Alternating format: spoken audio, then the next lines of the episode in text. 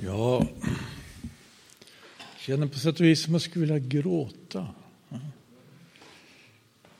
Det står ju någonstans i Bibeln. Känn ert elände och sörj och gråt. Kan det vara över mitt egen, min egen situation? Jag är ju en syndare eftersom jag är en människa. Eller vår gemensamma situation. Eller situationen i vårt samhälle. Eller i vårt land eller i vår tid. Visst finns det orsak att gråta. Hörni. Kanske skulle vara befriande. Bedja Gud. Han visar vad vi kan ha anledning att sörja och gråta för. Tack och lov, vi har också anledning att vara tacksamma. Anledning att prisa Gud som har fört oss samman den här midsommarhelgen. För att eh, ägna oss något åt det här budskapet vi har fått. Och ja, det är helt faktiskt klart det att eh, det är ett fast ord och i all motto värt att mottaga.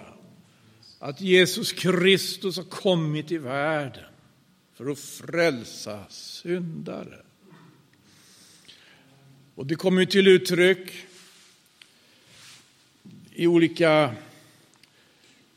ganska konsekvent i, i Jesu eget budskap, i hans undervisning, i apostlarnas undervisning och förkunnelse. Vi vet att i Matteus evangeliets 20 kapitel så kan vi läsa om den här mamman till två av lärjungarna. I 20 versen, Sebedeus söners moder. Sebedeus söners moder kom fram till honom med sina söner och föll ned för honom och ville begära något av honom. Han frågade henne, vad vill du?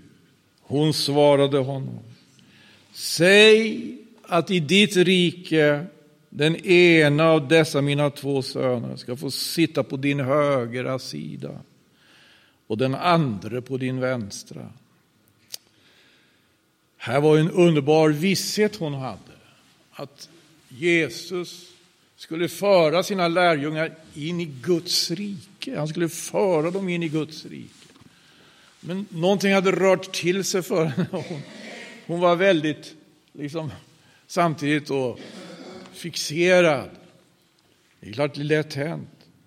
Vid, sina, vid sitt kött och blod. Men Jesus svarade och sa, ni vet inte vad ni begär. Kan ni dricka den kalk som jag ska dricka? Det svarade honom, det kan vi. Då sa han till dem, ja, väl ska ni få dricka min kalk. Men platsen på min högra sida och platsen på min vänstra tillkommer det icke mig att bortgiva. Utan det ska tillfalla dem för vilka så är bestämt av min fader. Och då blir det lite friktion här bland lärjungarna. De blev misslynta på de här två bröderna som av någon anledning skulle vilja så att säga, upphöja sig. Deras mor ville gärna upphöja dem. Framför de andra då. Men då kallade Jesus dem till sig och sa, ni vet att förstarna uppträder mot sina folk såsom herrar och att det mäktige låter folken känna sin myndighet. Det mäktige låter folken känna sin myndighet. Så är det icke bland er, utan den som vill bli störst bland er, han var det andras tjänare. Och den som vill vara främst bland er, han var det andras dräng. Liksom Människosonen har kommit inte för att låta tjäna sig, utan för att tjäna och ge sitt liv till lösen för många. Och det var aposteln Paulus också i sin första predikan, den första predikan som blir återgiven i alla fall i sin helhet i Apostlagärningarna. Säger till de som samlade där i synagogan. Apostlagärningarnas trettonde kapitel.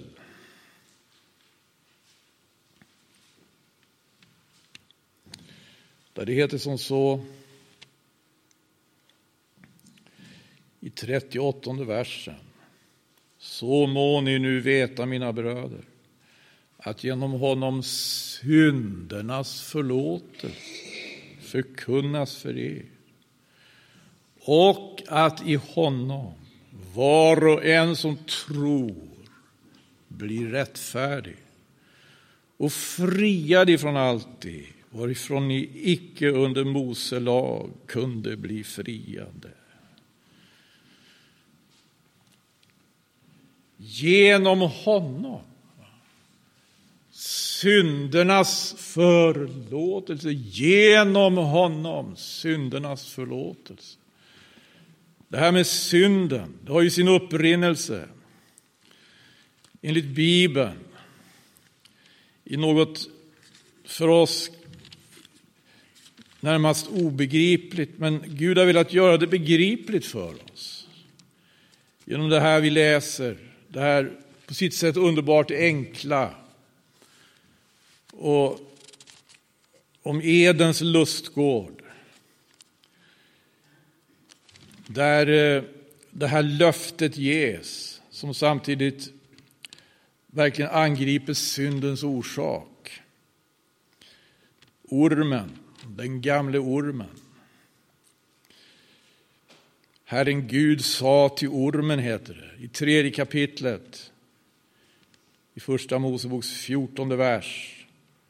Eftersom du har gjort detta vare du förbannad bland alla djur, boskapsdjur och vilda djur. På din buk ska du gå och stoft ska du äta i alla dina livsdagar. Och jag ska sätta fiendskap mellan dig och kvinnan och mellan din säd och hennes säd. Denna ska söndertrampa ditt huvud och du ska stinga den eller honom i hälen. Ormens huvud enligt löftet ska, ska söndertrampas. Och det här kommer, det här har definitivt inte förlorat sin aktualitet. Och vi vet att det profetiska ordet talar om att saker och ting som egentligen skedde på ett väsentligt sätt, på ett avgörande sätt när Jesus dog på korset. Det kommer att träda fram i ljuset kommer att synas inför hela världen. Och då är det faktiskt på det viset. Vi har det här framställt för oss i Uppenbarelseboken. Ve dig du jord och ve dig du hav. Ty djävulen har kommit ner till er i stor vrede eftersom han vet att den tid han har kvar är kort. Det står så. Va? ska vi gå till Uppenbarelsebokens tolfte kapitel. Uppenbarelsebokens tolfte kapitel.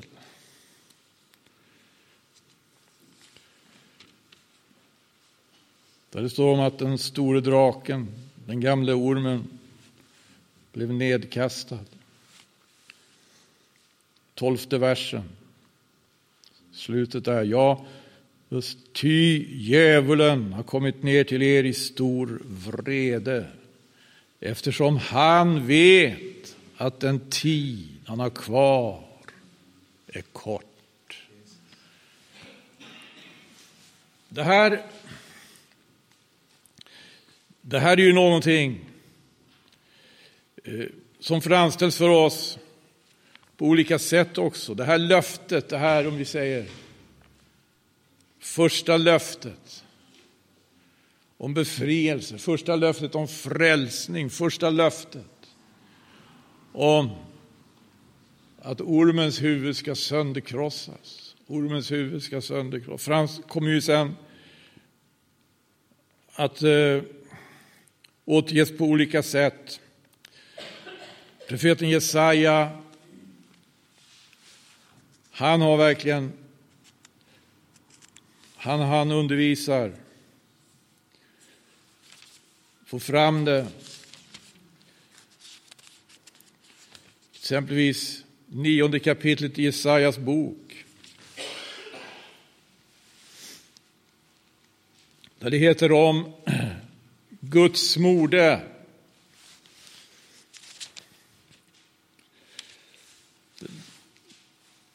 I fjärde versen. Ty du ska bryta sönder deras bördors ok och deras skuldrors gissel och deras plågares stav Likaså i midjans tid.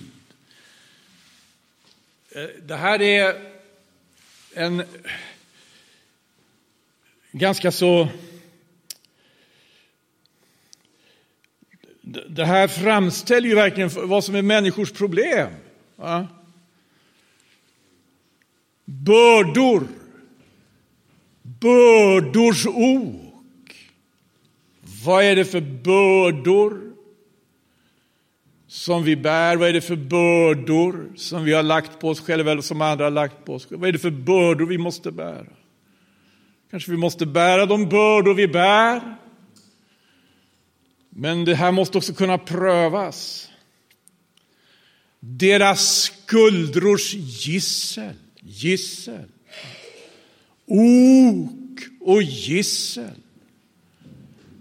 framställer för oss tydligt vad människors problem är.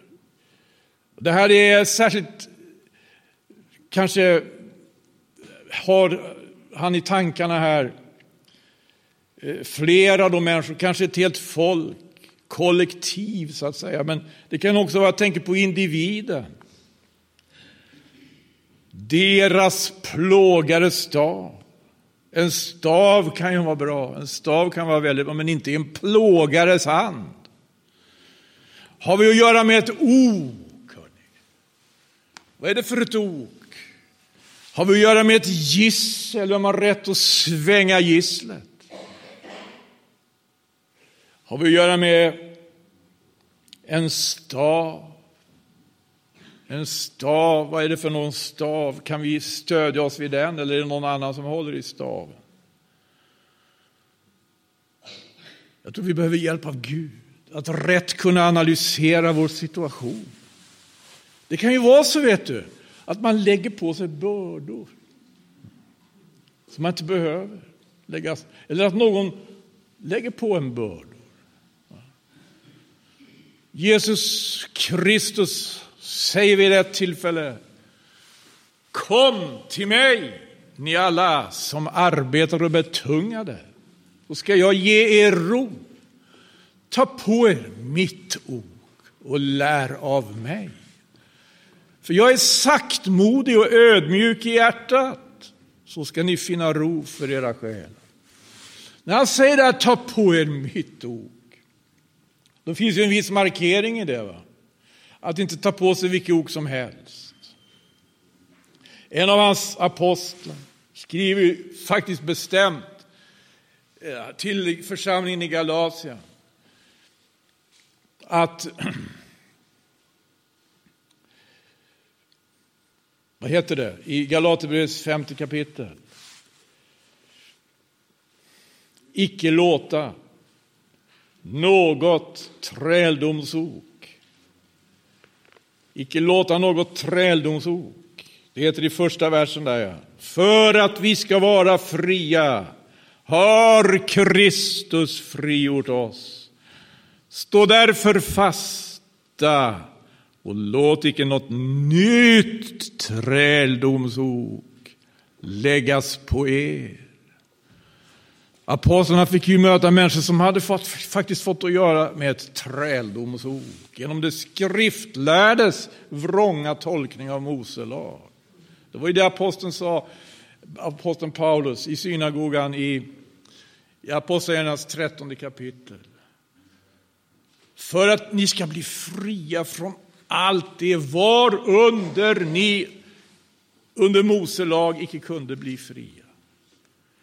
Här får han fram det. För att vi ska vara fria har Kristus frigjort oss. Vad betyder det? Betyder det att inga ok alls? Nej, det betyder inte. Det finns ett ok. Om vi kommer inom hörhåll för, för Herren Jesus, då, har vi, då kommer vi att få att göra med ett ok. Men det oket lägger han på oss. Han vet vad vi klarar av. Men det är helt uppenbart att det finns andra som vill lägga på ok. Och kanske vi också ibland kan ha den benägenheten att lägga ok på oss själva. Bördors ok, skuldrors gissel, plågares stav. Talar om vad som kan orsaka lidande för människor. Och när jag läser det här så är jag lite fundersam på det här med skuldrornas gissel. Skuldrornas gissel. Vilka skuldror?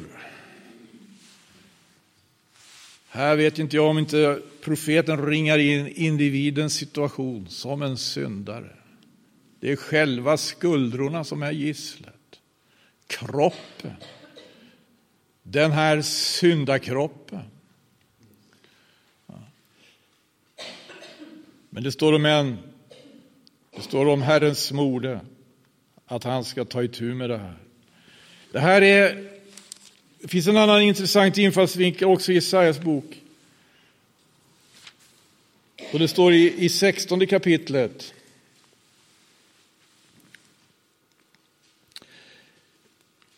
I 16 kapitlet, en uppmaning att ta emot flyktingar i fjärde versen, låt mina fördrivna finna härberge hos dig. Var för Moab ett beskär mot fördärvaren till dess att utpressaren ej mer är till och fördärvet får en ände och förtryckarna försvinna bort ur landet. Här, här, här klandrar profeten verkligen den, den synd som, liksom, som sitter i systemet. Eh, som gör att det, att det finns utpressning och utpressare. Som gör att det finns eh, som gör att det finns fördärvare fördärvar och som gör att det finns förtryckare. Allt det här talar om någonting som kommer utifrån som ett tryck Som kommer utifrån som ett tryck. Eller lever vi i sån idyll så det här är så avlägset för oss? Eller görs inte de här sakerna påminna? Det finns någonting i systemet, gör inte det? Av utpressning, finns någonting av förtryck i själva systemet. Varför fångas människor? Varför kastas människor in i den onda cirkeln? I vår tid, i vårt land, med affärer, med, med knark och vapen och trafficking. Det, det är någonting som måste be Gud om hjälp, kunna analysera själva systemet, vår egen situation som syndare. Men inför de här löftena, inför de här löftena det, det är en mörk bild vi möter i vår tid. Det är också en mörk bild som skriften ger oss av människans situation. Men vi får faktiskt se upp så vi inte förväxlar mörker med mörker. För skriften ger oss inte den mörka bilden utan att också visa på en utgång. Men världen kan ge oss en mycket mörk bild som kan vara på många sätt sanningsenlig och träffsäker. Men om världen visar på en utgång så är det inte den rätta utgången för oss som tillhör Herren Jesus Kristus. Det är det inte. Det, det, det här... Om det är en mörk bild i den tid vi lever i, om det är en mörk bild som också skriften ger oss, så ser oss också skriften. En underbar, ett underbart löfte ser vi. Och det löftet framställs ju på så olika sätt som vi har sett. Det handlar om att ormens huvud ska bli krossat.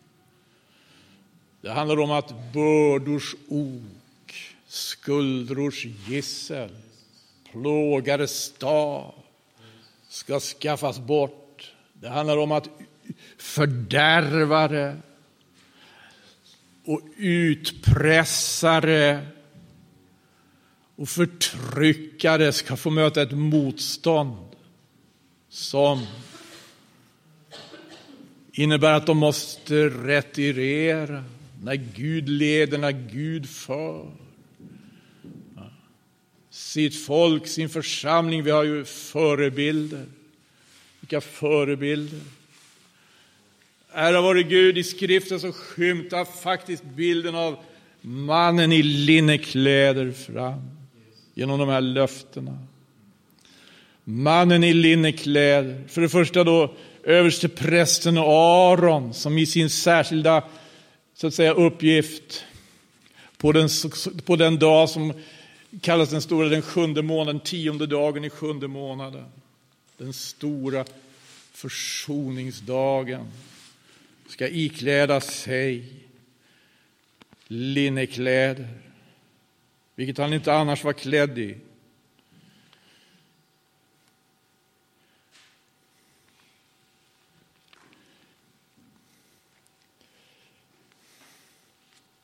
kan läsa några verser här i tredje Mosebok 16 kapitel. Herren sa till Mose i andra versen. Säg till din bror Aron att han inte på vilken tid som helst får gå in i helgedomen innanför förlåten, framför nådastolen som är ovanpå arken, på det att han icke må dö För i molnskyn vill jag uppenbara mig över nådastolen. Så ska förfaras när Aron ska gå in i helgedomen. Han ska ta en ungtjur till syndoffer och en vädur till brännoffer. Han ska ikläda sig en helig livklädnad av linne och ha benkläder av linne över sitt kött och han ska omgjorda sig med ett bälte av linne och väva en, vira en huvudbindel av linne om sitt huvud. Detta är de heliga kläderna och innan han ikläder sig dem ska han bada sin kropp i vatten. Och av Israels barns menighet skall han mottaga två bockar till syndoffer och en vädur till brännoffer. Och när han frambär då det här offret, då är det ju för att han ska föra in blodet in i det allra heligaste. Jag kan läsa några verser längre fram där.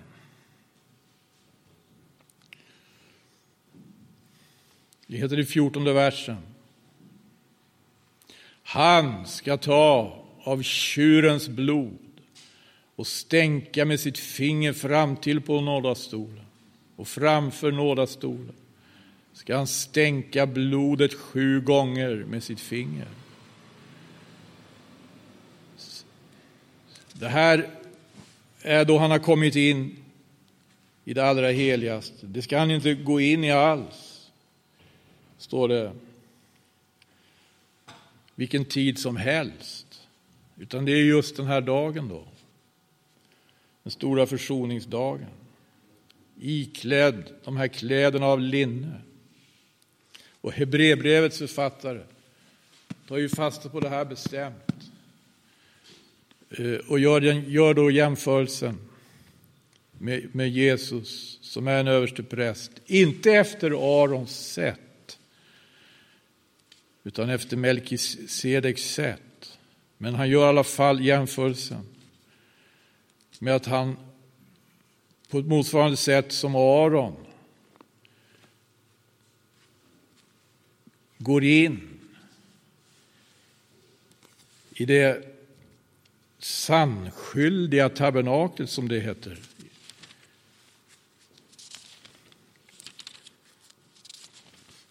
I åttonde kapitlet. En huvudpunkt, ja, ifrån början där. Men en huvudpunkt i vad vi vill säga i detta. Vi har en överste präst som sitter på högra sidan om majestätets tron i himmelen för att göra tjänst i det allra heligaste, i det sannskyldiga tabernaklet, vilket Herren har upprättat och icke någon människa. Det här uttrycker han på lite olika sätt. Jag ser att det står hänvisningar här till Hebreerbrevets nionde kapitel och elfte vers. Kristus kom såsom överste präst för det tillkommande goda. Och genom det större och fullkomligare tabernakel som icke är gjort med händer, det, det är som inte tillhör den skapelse som nu är. Gick han icke med bockars och kalvars blod utan med sitt eget blod en gång för alla in i det allra heligaste och vann en evig förlossning. Det är han som den här mannen med prästen med linnekläder är en förebild för. Och om vi lite grann funderar på just den här jämförelsen då. Finns det någon motsvarighet till det här? Det, det som står i tredje Mosebok 16 kapitel också på det viset.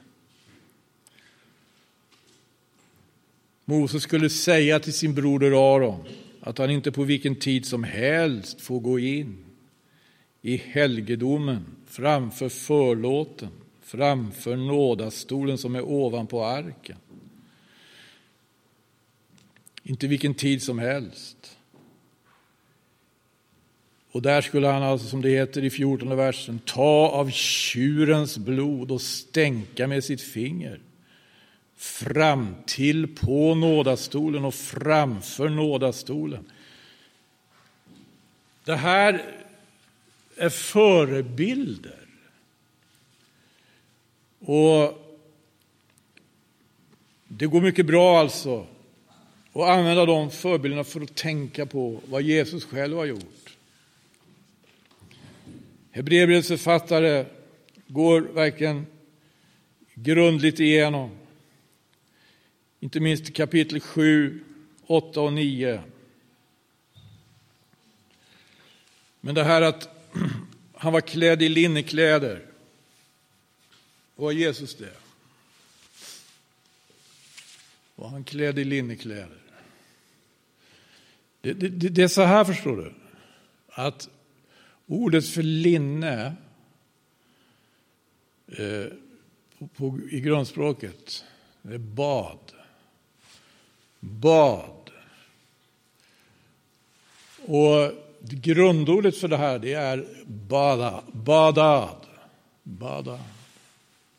Och det, det, det betyder att vara separerad. Separerad eller avskild. Var, var inte Jesus det? Va? I, den, I den bemärkelsen bar han verkligen linnekläder. Det handlar om att vara separerad, han var ju avskild för den här uppgiften. Det heter också i Hebreerbrevet i, vers, i kapitel 7, där i 26 versen. En sådan överstepräst hövdes oss också att ha. En som vore helig, oskyldig, obesmittad, skild från syndare och upphöjd över himmelen. Han var avskild, han var separerad, han var uttagen. Eh, och genom det här så var han liksom klädd i linnekläder. Han ägde den avskildheten. Han, han omgjordade sig, står det, med en lindduk faktiskt. Innan han tvådde lärjungarnas fötter. Men det här med linnekläderna, det handlar just om den här avskildheten.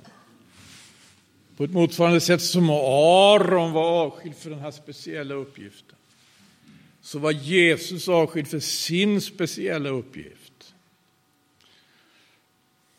Den som han invigdes på ett särskilt sätt invigdes till då han kom till Johannes döparen vid floden Jordan. Och Johannes utropar, se, se Guds lam som borttar världens synd. Se Guds lam som borttar världens synd. Han, han var insvept i Guds vilja. Det var han. Han blev eh, eh, på ett, han blev det också verkligen påtagligt när han bad i, i Getsemane örtagård. Fader, ske icke min vilja, utan din. Och det står i, Johannes evangeliets 17 kapitel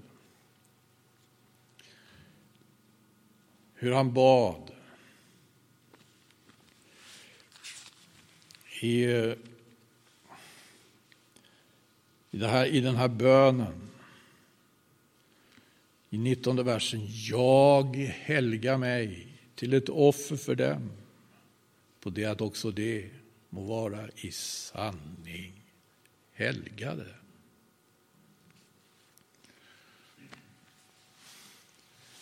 Han kom icke för att låta tjäna sig, sa han, utan för att tjäna. Hebreerbrevets författare skriver om att vi har en överstepräst, en huvudpunkt, en överstepräst som sitter på högra sidan av majestätets tron i himmelen. Att han gör tjänst, han gör tjänst. Vi, det här är så allvarligt för oss, och det är så, därför att vi, vi vet att eh, synden är aktiv. Den är aktiv. Men pris för Gud, mannen i linnekläder är också aktiv. Han är också aktiv. Han gör tjänst. Han gör tjänst. Eh, ett ord i psalm 119 fångar in situationen ganska väl, tycker jag. I 150 vers, tror jag. Nära är det som jagar efter styggelser Nära är och du, Herre, och allt ditt ord är sanning. Var det rätt det, eller ska vi titta efter? Psalm 119. Psalm 119, vers 150.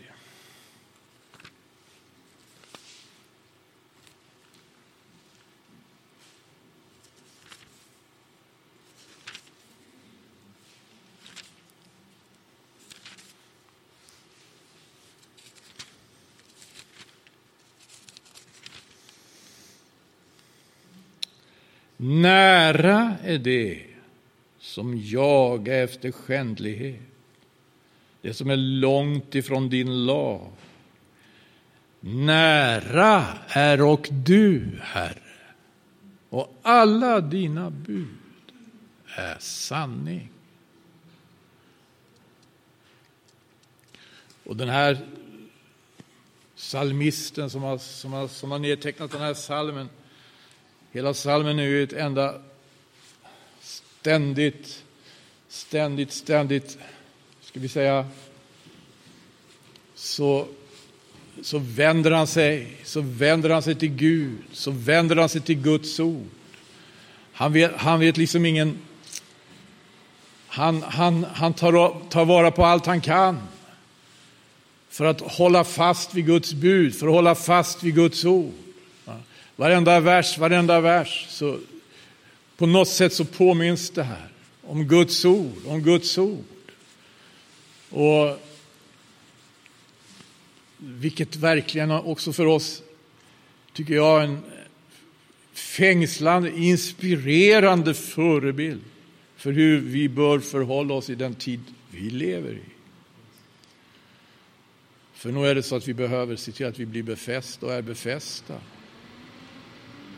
i, i, i, Guds, i Guds ord.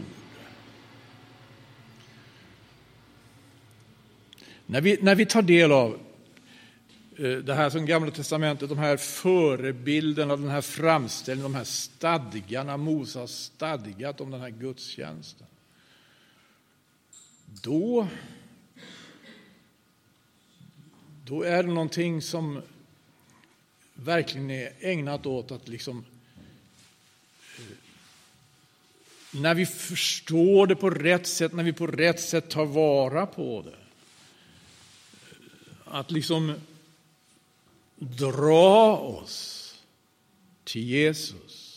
Det, det är ägnat åt att dra, om vi förstår att ta vara på det på rätt sätt.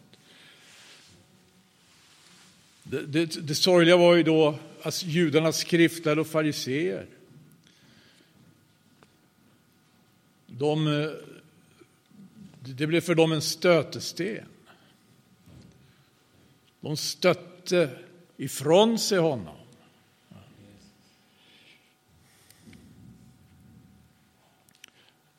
De kunde inte ta till sig det här. Men apostlarna som hade vandrat med honom, eller aposteln Paulus som av nåd lärde känna honom genom den uppenbarelse han fick kunde, kunde på det här sättet ta fasta på vad som står om översteprästen Aron, om hans uppgift, om hans klädnad, allting för att riktigt skjutsa oss kraftfullt mot Jesus. Se mannen i linnekläder. Se han som gör tjänst. Se han som går in i det allra heligaste i himmelen. Motsvarar det han gjorde någonting av det Aron gjorde också på den punkten. Om vi ser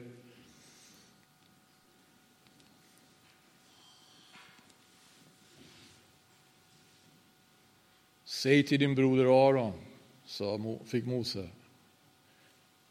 Säg till din broder Aron, fick han till uppdrag, att han inte på vilken tid som helst får gå in i helgedomen innanför förlåten framför nådastolen som är ovanpå arken.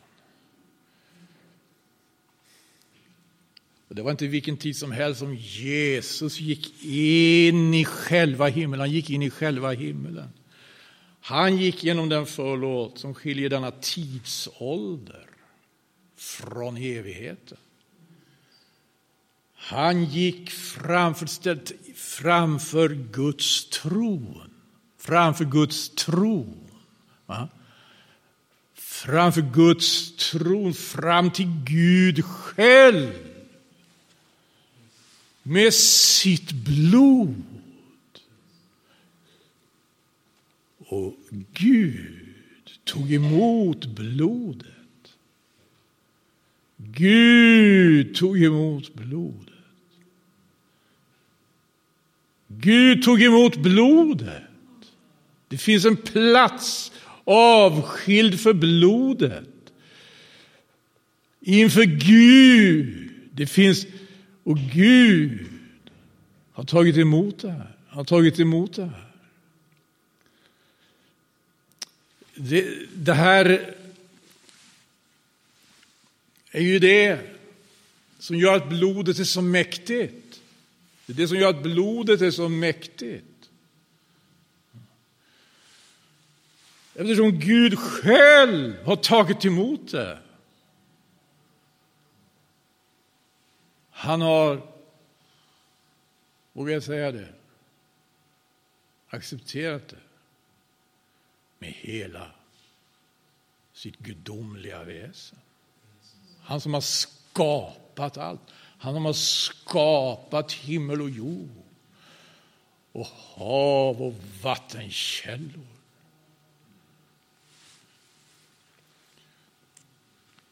Och, och, och, om vi tar fasta på de här förebilderna som Hebreerbrevets författare och, och andra i andra brev i Nya Testamentet kan vi också läsa om hur aposteln Paulus liknar sin tjänst vid en offertjänst. Han kan, han kan tala om att frambära hedningarna till ett välbehagligt offer i Romarbrevet. Eller utgjuta sitt eget blod som ett drickoffer i Filipperbrevet. Och här i Hebreerbrevet får vi höra om att en präst som iklädde sig linnekläder för att frambära blodet på det viset. Stänka på nådastolen sju gånger och framför nådastolen. På nådastolen och framför nådastolen. Förebild som talar om hur Gud själv, Gud själv tar emot blodet.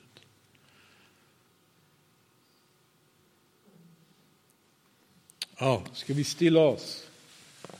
Tala med Herren.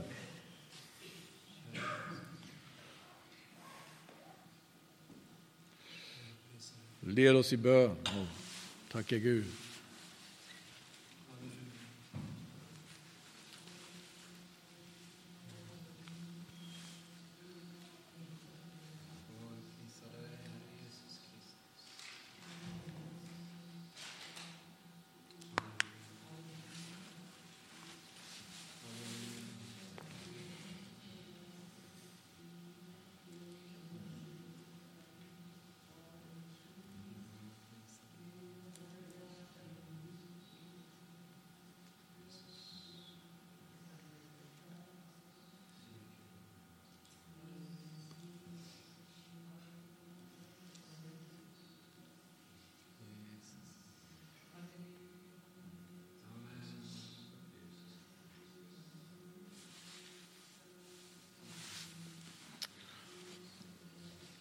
Och det här har sin betydelse för oss just därför att han gör tjänst.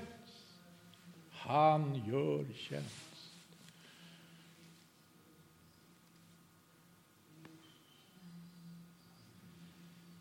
Han gör tjänst där han är på högra sidan om majestätets tron i himlen. Enligt eh, Hebreerbrevets sjunde kapitel, 25 vers. Därför kan han och till fullo frälsa dem som genom honom komma till Gud. Ty han lever alltid för att mana gott, för han manar gott. Hebreerbrevets åttonde kapitel, en huvudpunkt i vad vi vill säga är detta. Vi har en överste präst som sitter på högra sidan om majestätets tron i himlen för att göra, för att göra tjänst i det allra heligaste, i det sannskyldiga tabernaklet, vilket Herren har upprättat och icke någon människa. Romarbrevets åttonde kapitel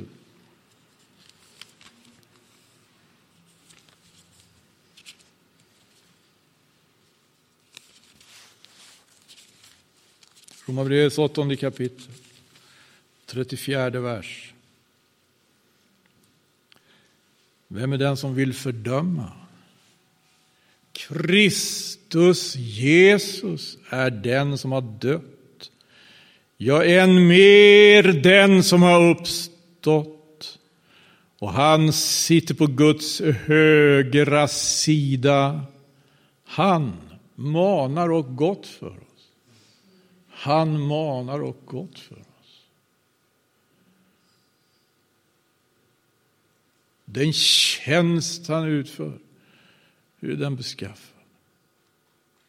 Med skriften så får vi klart för oss att den sker ju inte utan blodet. Den tjänst som han utför i höjden inför Gud, den, den sker inte utan blodet.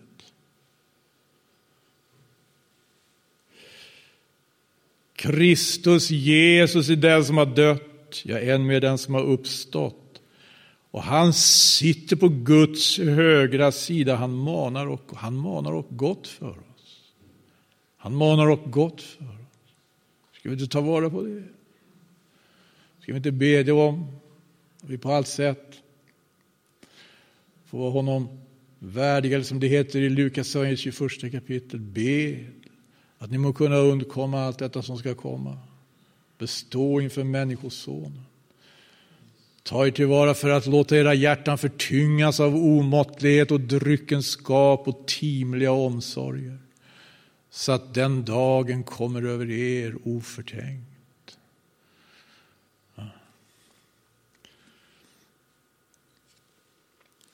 Och vi har också Guds ande, som Fadern har sänt i Jesu namn och som Jesus själv har sänt från Fadern.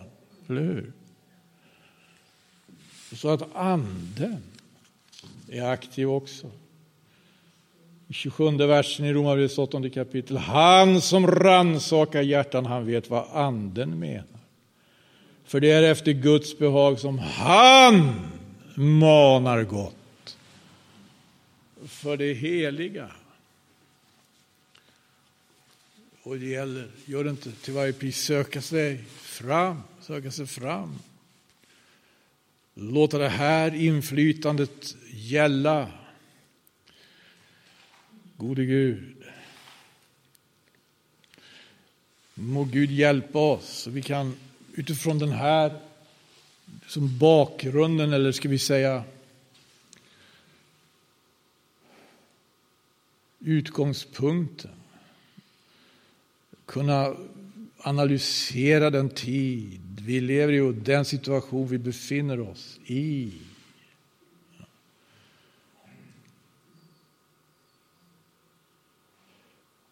Först och främst prisa Gud för att ormens huvud är krossat. Jesus har genom sin död vunnit seger över honom som har döden i sitt våld.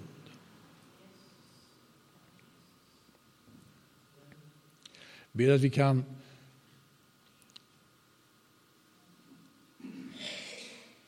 på det sättet analysera vår situation, få hjälp att se, är det här bördors ok som vi inte behöver bära?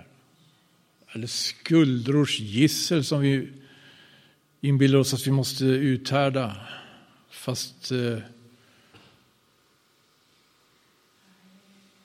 Vi har, för, vi har blivit förenade med, med honom i Jesus Kristus. Mannen i linnekläder om mig, säger så, genom en lika död. Också förenade ska vi vara då genom en lika uppståndelse. Varför bördors ok, varför skuldrors gissel?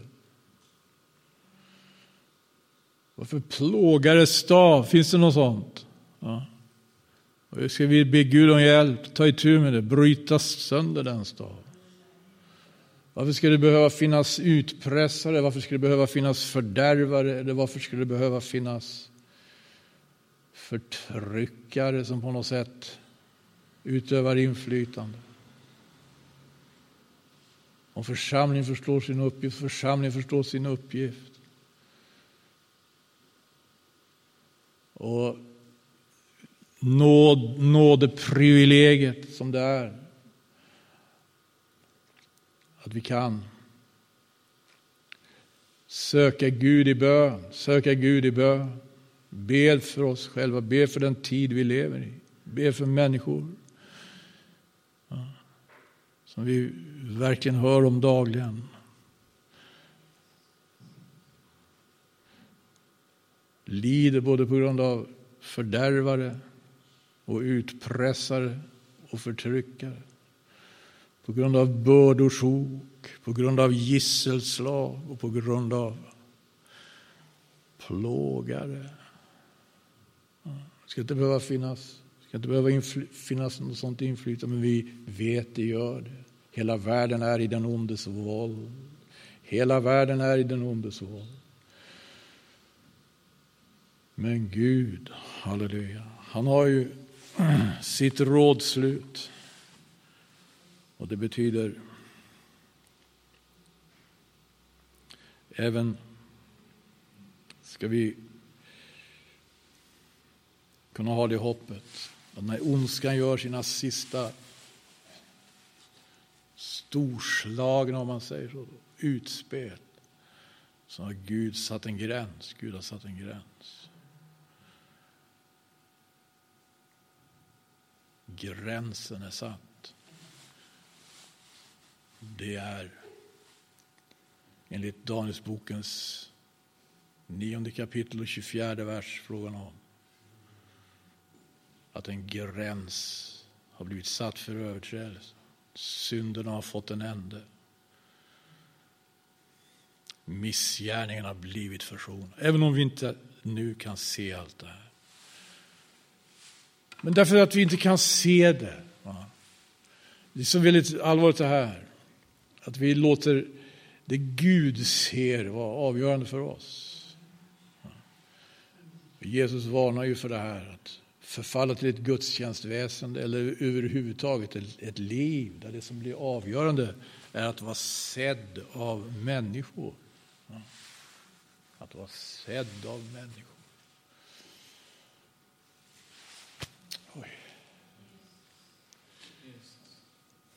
Det är bergspredikan.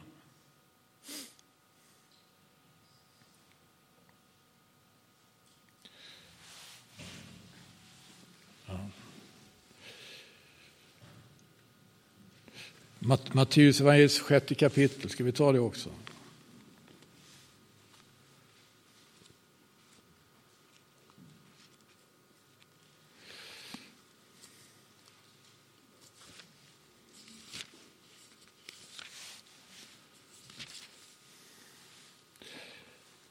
Ta er tillvara för att öva er rättfärdighet inför människorna, för att bli sedda av dem. Förstå den springande punkten Det gäller att vara uppmärksam på. Ty det är icke så som en människa ser, sa Herren till Samuel.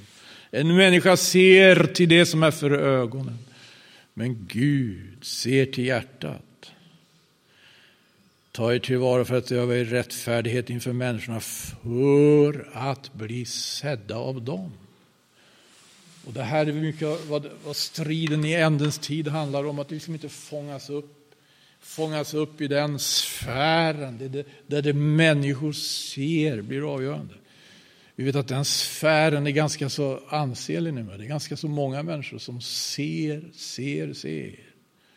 Och i den här sfären så är det som ändetidens stora drama kommer att utspela sig. Det avgörande blir då om vi anser det någonting vara värt att vara sedd av Gud. Eller som det heter med Galaterbrevet, att vara känd av Gud. Aposteln Paulus klagar ju över att eh, de hade avfallit så snabbt. De hade avfallit så snabbt. Jag tar också till slut.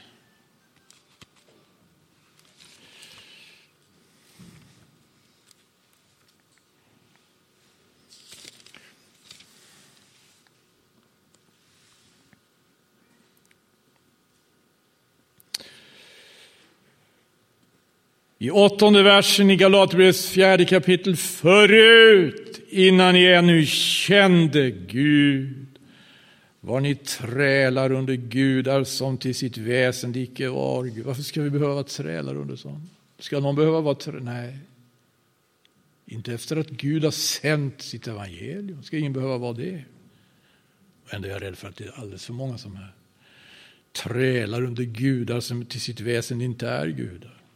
Förut, innan ni ännu kände Gud, var ni trälar under gudar som till sitt väsen icke var gudar. Men nu, sedan ni har, blivit, sedan ni har lärt känna Gud och vad mer är, har blivit kända av Gud. Hur kan ni nu vända tillbaka till det svaga och arma makter under vilka ni åter på nytt vill bli trälar? Den sfär, den omfattande sfär, där det avgörande är att vara sedd av människor, eller det människor ser, det människor räknar med. Istället för det Gud ser och det Gud räknar med. Gud räknar med blodet, tack och lov. Imorgon hoppas jag få tala om Gud ger sin nåd över ämnet bruden i linnekläder. Tack för uppmärksamheten.